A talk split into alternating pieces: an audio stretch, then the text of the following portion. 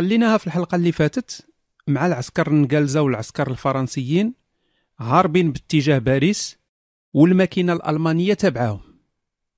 هذا الانسحاب اللي تيتسمى الانسحاب العظيم ماتوا فيه بزاف. واللي حس بالضربة أكثر هما النقالزة لأن كان عندهم جيش صغير.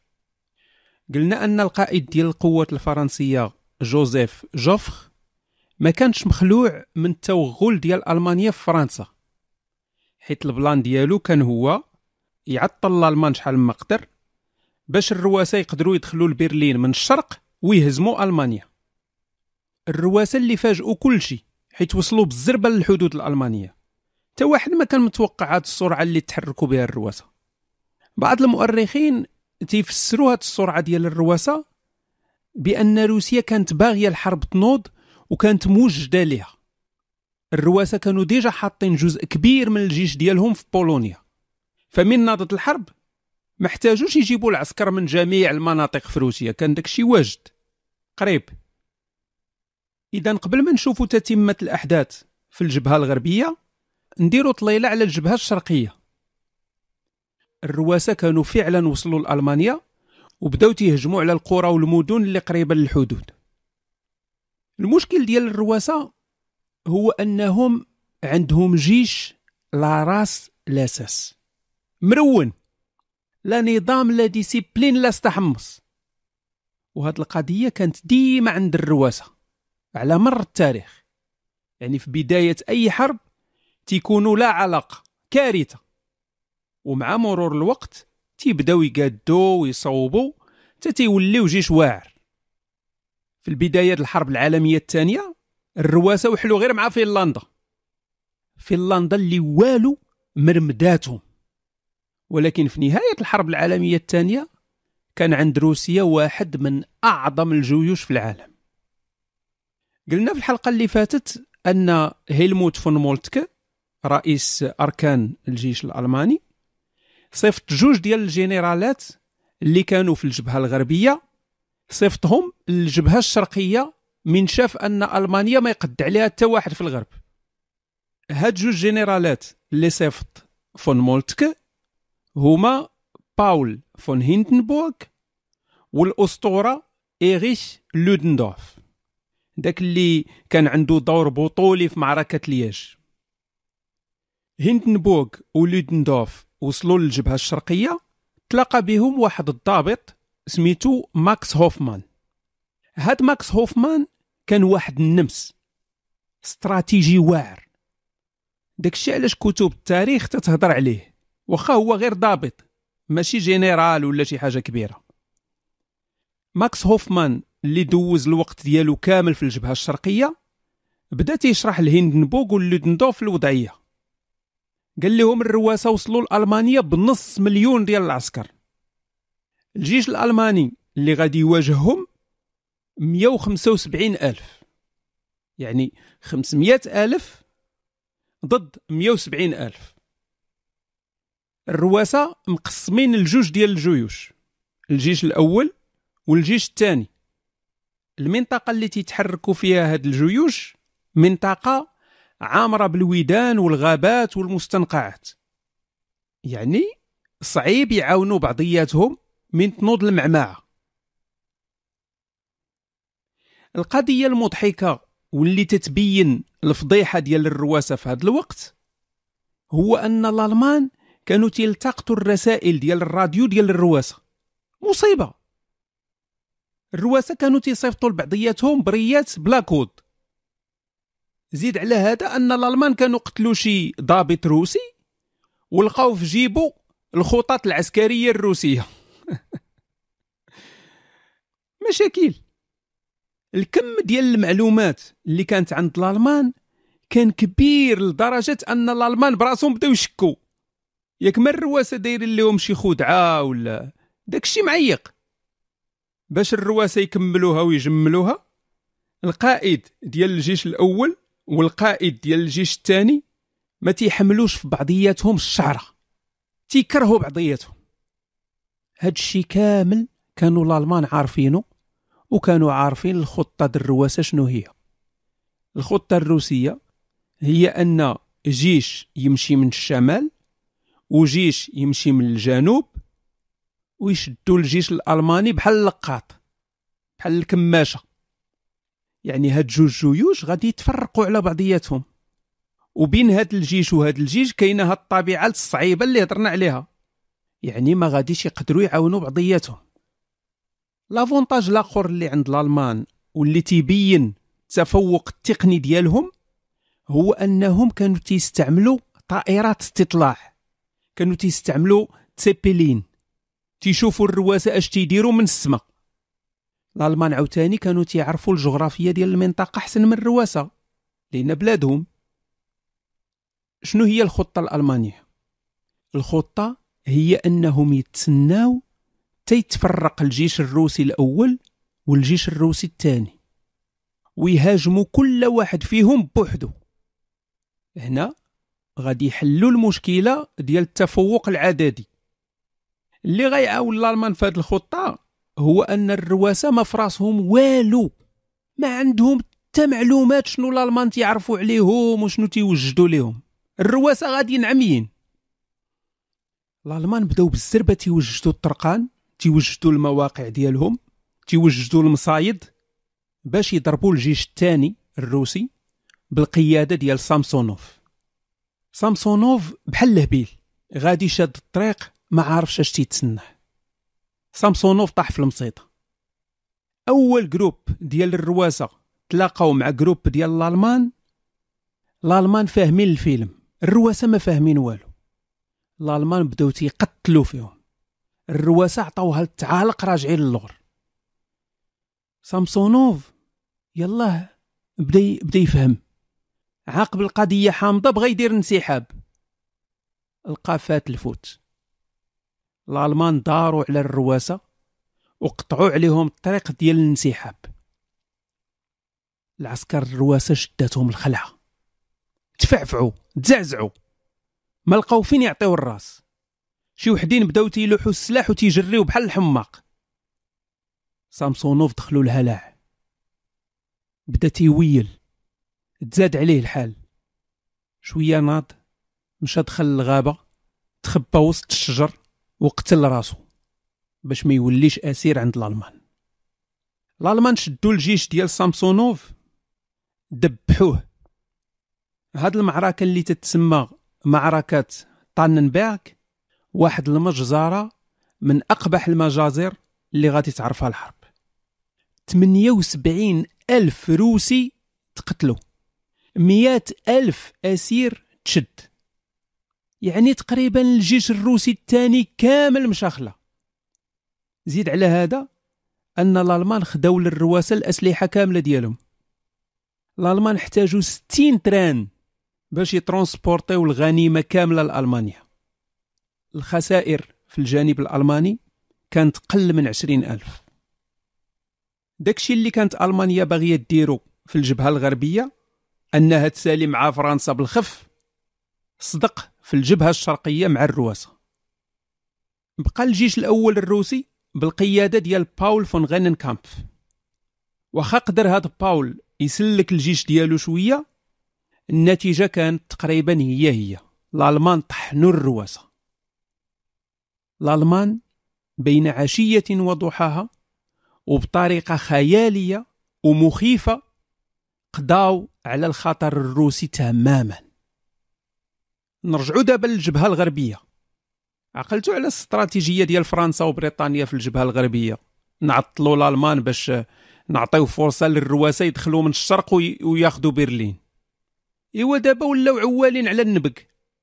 استراتيجية ما صدقاتش. فرنسا وبريطانيا خصهم يعولوا دابا على من؟ على راسهم. ما كاينش اللي غادي يعاونهم. خاص يترجلوا ويواجهوا الألمان. المعاناة والويلات ديال الحرب غادي تبدا تبان مزيان في المواجهات اللي جايين.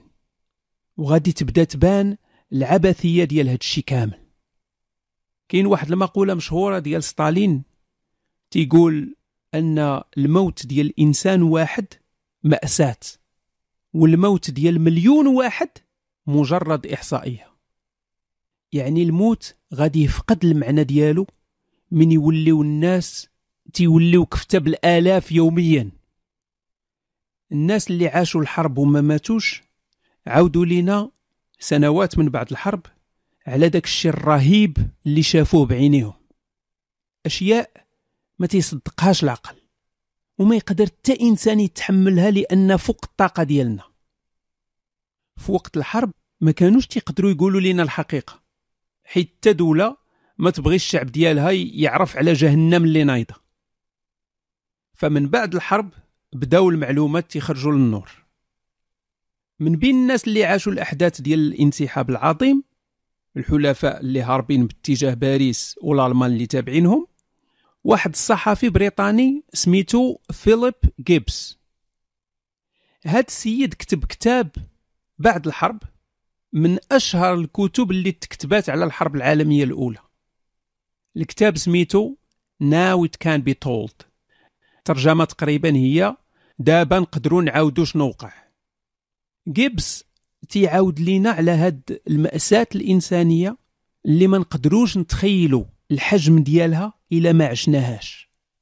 مئات الآلاف ديال الناس هاربين. الناس تيموتوا بالجوع. فين ما مشيتي بنادم ملاوح. ها اللي مقطع؟ ها اللي محروق؟ الريحة ديال الخنز ديال الموت والدم والأمراض تتخرج من كل بلاصة. الدراري الصغار تيبكيو بالخلعة بالجوع. الناس الكبار تيطيحوا بحال الدبان. حتى البلاصة فين تحط الجثث ما كايناش. وتسونامي ديال الناس تيجيو بعشرات الآلاف موجة مور موجة مور موجة هاربين من الألمان. فيلم ديال الخليع تراجيديا بشرية بكل ما تحمل الكلمة من معنى. واللي تيخلع أكثر هو أن هاد المأساة يلاه بدات يلاه بدات في هذا الوقت. مازال ما شفناش الصورة كاملة. بعض المؤرخين تيطرحوا واحد السؤال يستحق نفكروا فيه. واش ماشي من الأحسن كون ألمانيا ربحت الحرب بالزربة؟ أش غيوقع كاع؟ المكانة ديال ألمانيا في أوروبا غادي تزيد شوية وصافي. واش هكا ماشي أحسن من الفيلم ديال الرعب اللي جاي؟ تصور أن الملايين اللي غادي يموتوا ما يموتوش. تصور أننا نقدروا نتفاداو النازية والحرب العالمية الثانية بكل الويلات ديالها. نتفاداو الحرب الباردة. وزيد وزيد لأن هذا الشيء كامل كان تبعيات ديال الحرب العالمية الأولى. عقلتوا على ديك المقارنة اللي درنا مع ماتش ديال ال boxe. أنك تضرب الخصم بضربة قاضية ويسالي الماتش احسن من أنك تهلكو عصا 12 جولة. نرجعوا للسيناريو المؤسف اللي وقع بصح الحلفاء هاربين باتجاه باريس والألمان تابعينهم. وكل شي عارف أن هاد المطاردة هادي غادي تسالي بواحد المواجهة كبيرة. normal. المشكل هو أن الحالة ديال الجيوش لا الحلفاء ولا الألمان حالة مزرية. هاد العسكر كانوا تيمشيو عشرات الكيلومترات على رجليهم كل نهار. النعاس والو. الماكلة قليلة اللي مهرس اللي مشوقر اللي مريض. إلا شفتيهم غيصحابك زومبيز حي وميت بسبب الطريقة كيفاش كانوا تيتمشاو تسمات المسيرة ديالهم مسيرة النعاس. حيت كانوا تيتمشاو منونخين بحال شي واحد تيطيح بالنعاس. لدرجة أن شي وحدين كانوا تيحبسوا تيحبسوا تيبقاو في بلاصتهم. الجسم ديالهم ما بقاش قادر يزيد خطوة وحدة. واخا دماغهم عارف بأن الألمان غادي يجيو يقتلوهم إلا بقاو حابسين. من جهة الألمان تا هما عندهم مشاكل كبيرة. باش تبقى تابع جيوش هربة منك كل نهار عشرات الكيلومترات ديال المشي وكل مرة تدخل في معركة والمعونة تجي قليلة راه ما سهلاش. تا القنابل ما بقاوش كافيين. ولاو تيقتصدوا.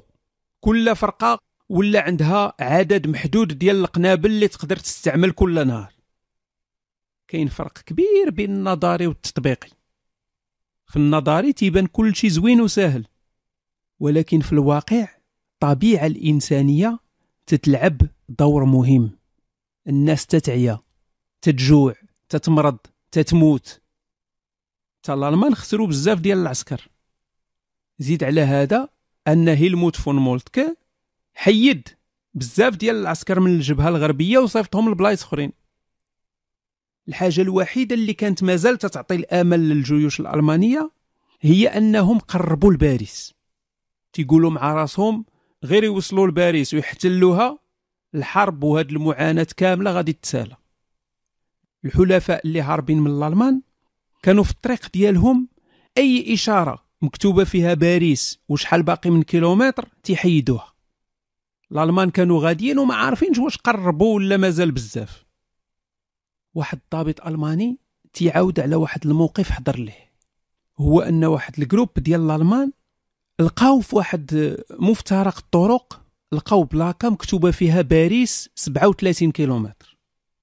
الألمان شافوها بحال إلا شموا الكوكايين. جهلوا بالفرحة. بداو تينقزوا بحال الحماق. شي وحدين بداو تيعنقوا البلاكا وتيبوسوا فيها. شي وحدين بداو تيشطحوا بداو تيغنيو. كلشي توقد كلشي ولا فيه الحماس. بحال إلا ما داز عليهم والو. باريس على الأبواب. وهاد البلاكا أول دليل شافوه بعينيهم. الألمان على مشارف باريس. الجيوش الفرنسية déjà كلات الدق جوج مرات على يد الألمان. شنو اللي غادي يحمي فرنسا من هزيمة أخرى؟ منطقيا الألمان غتربح غتربح. ولكن هنا فين غادي يبان هذاك خونا اللي هضرنا عليه بزاف؟ قائد أركان الجيش الفرنسي جوزيف جوفر. هنا فين غادي تبان الأهمية ديال هذا السيد؟ الجنرالات ديال فرنسا متفقين. على أن كون ما كانش هاد جوزيف جوفر كون فرنسا هزها الماء وكلها الحوت. جوزيف جوفر هو اللي كانت فرنسا محتاجاه في الحرب العالمية الثانية وما كانش عندها. خاصنا نفهموا الوضعية فرنسا في هذا الوقت باش نفهموا القيمة ديال صاحبنا جوفر. الحكومة هزات قشاوشها وعلقات من باريس مشات لبوردو. أبعد منطقة ممكنة. كل شيء تيقفقف. كل شيء في حالة شبه استسلام. القيصر الألماني ناشط. يعني القضية السور. غير مسألة وقت والألمان غيحتلوا باريس. جوزيف جوفر بحال الثلاجه أعصاب باردة. أول حاجة دارها بدا تيغربل الجنرالات ديال الجيش. اللي ماشي عصبة ومقد كركبوا مع الباب برا. في أقل من عشر أيام جرى على 140 واحد.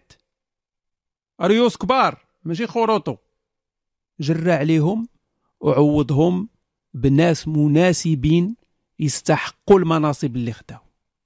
حيد دوك اللي كانوا واخدين المناصب غير بالنسب ديالهم ولا حيت عندهم شي منصب مدني كبير. حيدهم وعوضهم بناس اللي مجربين الحرب وبينوا أنك تعول عليهم في أصعب المواقف. الرجل المناسب للمكان المناسب. هاد الناس جداد حيت ولاد الحرفة ومجربين كانت عندهم القدرة على تشجيع العسكر والتهييج ديالهم. جوفخ بدا تيجمع العسكر وتيحطهم في المناطق الحساسة. تيجيب العسكر من أي بلاصة ولا تيميخل على العسكر. واخا في شي بلايص فرنسا محتاجة العسكر باش يدافعوا على الحدود جوفخ ما مسوقش. تيجيبهم لباريس بدأ تيجيب الناس من المستعمرات. تا دوك اللي كانوا مضروبين ولا مجروحين رجعهم للجبهة. منين ما لقى هز في الترانات وجيب. صوب جوج ديال الجيوش جداد من والو. شوية بشوية داك l'avantage ديال العدد اللي كان عند الالمان بدأ تيغبر. جوفر النهار كامل تيدور على الجنرالات تيتشاور معاهم. تيصحح الأخطاء تينظم تيقاد وهذا الشيء كامل كان تيديرو وهو مكالمي. بحال إلا دق لي بارد البنج. الألمان وصلوا لباريس. في عوض ما يدخلوا لباريس نيشان دازوا من الجنب في الشرق ديال المدينة حيت بغاو يحبسوا العسكر الحلفاء اللي هاربين. هنا غادي تعطى الجيوش اللي كانت تتسنى باش تدافع على باريس. غادي تعطاها فرصة ذهبية ما كانوش تيحلموا بها من دار الجيش الألماني باتجاه الشرق عرى على راسو ما بقاش محصن. فرنسا وصلها الخبار وبانت ليها الهمزة. ولكن فرنسا بوحدها ما غاديش تقدر على الألمان. فرنسا محتاجة للقوات البريطانية تعاونها. هنا غادي يمشي جوزيف جوفر غيتلاقى مع القائد ديال النقالزة. واحد السيد سميتو جون فرنش اللي تيضحك في جون فرنش أن سميتو بالإنجليزية تتعني فرنسي فرنش وكان ما تيحملش الفرنسيين. كان تيستهزأ من الجيش ديالهم لأن ما منظمش وكان تيسبي فيهم الخسائر اللي وقعت للجيش ديالو. هو المهم جوفخ تلاقى مع خونا باش يقنعوا أن بريطانيا تهاجم الألمان مع فرنسا. تخيلوا دابا جوفخ وهاد فرنش مريحين. ما تيفهموش اللغة ديال بعضياتهم معاهم مترجم. هاد فرنش كاعي على الوضعية وما باغي يدير حتى شي حاجة. وجوفخ نقالزة وهما الأمل الأخير ديالو باش يعتق بلاتو فهنا جوفخ غادي يدير واحد آه، الخطاب مزلزل. ماشي حتى من عادته. هو نورمالمون إنسان كالم. جوفخ غادي يقول لفرنش وصلت الساعة المعقول. هذه هي الفرصة. ما خصناش نفلتوها خاصنا ندخلوا المعركة بالناس كامل اللي عندنا وبدون تحفظات. من جهتنا حنا عطيت الأوامر ديالي باش كل شي هاجم يطرى اللي يطرى غادي نرمي الجيش ديالي كامل باش نحقق النصر وباش نحافظ على فرنسا. باسم فرنسا جيت عندك نطلب منك المساعدة بكل ما أوتيت من قوة. ما نقدرش نتخيل أن بريطانيا ترفض دير الواجب اللي عليها في هاد الأزمة الصعيبة اللي تنعيشوها. التاريخ ما يغفرهاش لكم سيدي المارشال راه الشرف بريطانيا علاش تنهضروا هنا. جون فرنش سمع الهضرة زعزعاتو. قال جوزيف جوفر OK صافي غادي نشوفو كي نديرو معركة المارن الأولى سميتها المارن على سمية الواد لا مارن. هاد المعركة اللي غادي تبدأ دابا من أعقد وأغرب وأبشع المعارك اللي داز في التاريخ. قلنا أن الجيش الألماني الأول دار خطأ كبير أنه بقى تابع دوك اللي هاربين.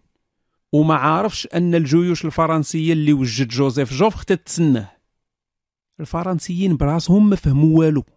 شافوا الجيش الألماني دار وعرى على جنابه. جوزيف جوفخ صيفط الأمر ديالو للجيوش كاملة باش تهجم. قال لهم غادي ندخلوا دابا المعركه اللي غادي تحدد المصير ديال فرنسا. تا واحد ما يشوف موراه كل شي يزيد لقدام باش نخرجوا العدو من بلادنا. اللي ما قدرش يزيد لقدام يحافظ على البلاصة اللي فيها وما يرجعش اللور واخا يكون الثمن هو حياته. في هاد الظروف اللي إحنا فيها أي ضعف أو عمل جبان ما غاديش نتساهلوا معه. تا دوك اللي وصلوا مجرتلين أيام وأيام وهما هاربين من الألمان تا هما وصلتهم الاوامر أنهم يدوروا ويحاربوا. بنادم بحال الميت لا هو لا السلاح ديالو وخصو يدور يحارب. هنا تيبان الدور ديال القادة الجداد اللي حط جوفخ. واحد من دوك القادة قال للعسكر ديالو إلا نتوما ما بقى فيكم ما يتجمع الألمان راه كثر منكم. اللي غيربح هاد الحرب هو اللي غادي يصمد كثر نوضوا تهجموا اللي ما قدرش ينوض الموت ديالو حسن من حياته. الحلفاء هجموا على الجيش ديال الكسندر فون كلوك وهي تحل قدامهم واحد الفجوة ما بين الجيش الأول الألماني والجيش الثاني الألماني طول ديالها تقريبا خمسين كيلومتر. في هاد الفجوة هادي دخلوا الحلفاء. يعني الألمان وقع عليهم واحد السيناريو مكفس بحال شي مرض خبيت دخل لك في الكرش. وتيقطع فيك من الوسط. هاد المصيبة اللي وقعت للألمان ما كانش خطة خططوا ليها الحلفاء كانت غير زهر. دجاجة بكامونها وقعت في يد الحلفاء. العسكر اللي كانوا وسط المعمعة براسهم تعجبوا لقاو راسهم غاديين وتيغرقوا. والمقاومة الألمانية ضعيفة حيت حيت العسكر ديال الحلفاء مع من كانوا تيتلاقاو. تيتلاقاو غير مع الطراف من الجنب ديال الجيش الألماني. ماشي مع راس الحربة. السؤال هنا هو علاش الألمان الجيش الأول والجيش الثاني ما يدوروش ويتقلبوا بجوج على الحلفاء اللي دخلوا بيناتهم ويقضيو عليهم؟ الجواب سهل. حيت كل جيش كان déjà تيدابز مع جيوش أخرى. فإلا داروا باش يحاربوا اللي الوسط هادوك اللي كانوا تيدابزوا معاهم غادي يتقلبوا عليهم. بعبارة أخرى. الألمان تصيدوا تصيدة خايبة. هيلموت فون مولتكه تهلك تحطم نفسيا. الخطة الألمانية اللي سنين وهما تيوجدوا فيها تتفرتت دابا قدام عينيه. تخيلوا حجم المسؤولية اللي على كتاف هذا السيد هذا الحجم ديال ال stress ديال الضغوطات. الناس اللي كانوا مع هيلموت فون مولتكه عاودوا لينا كيفاش أن السيد تهرس انهار تماما.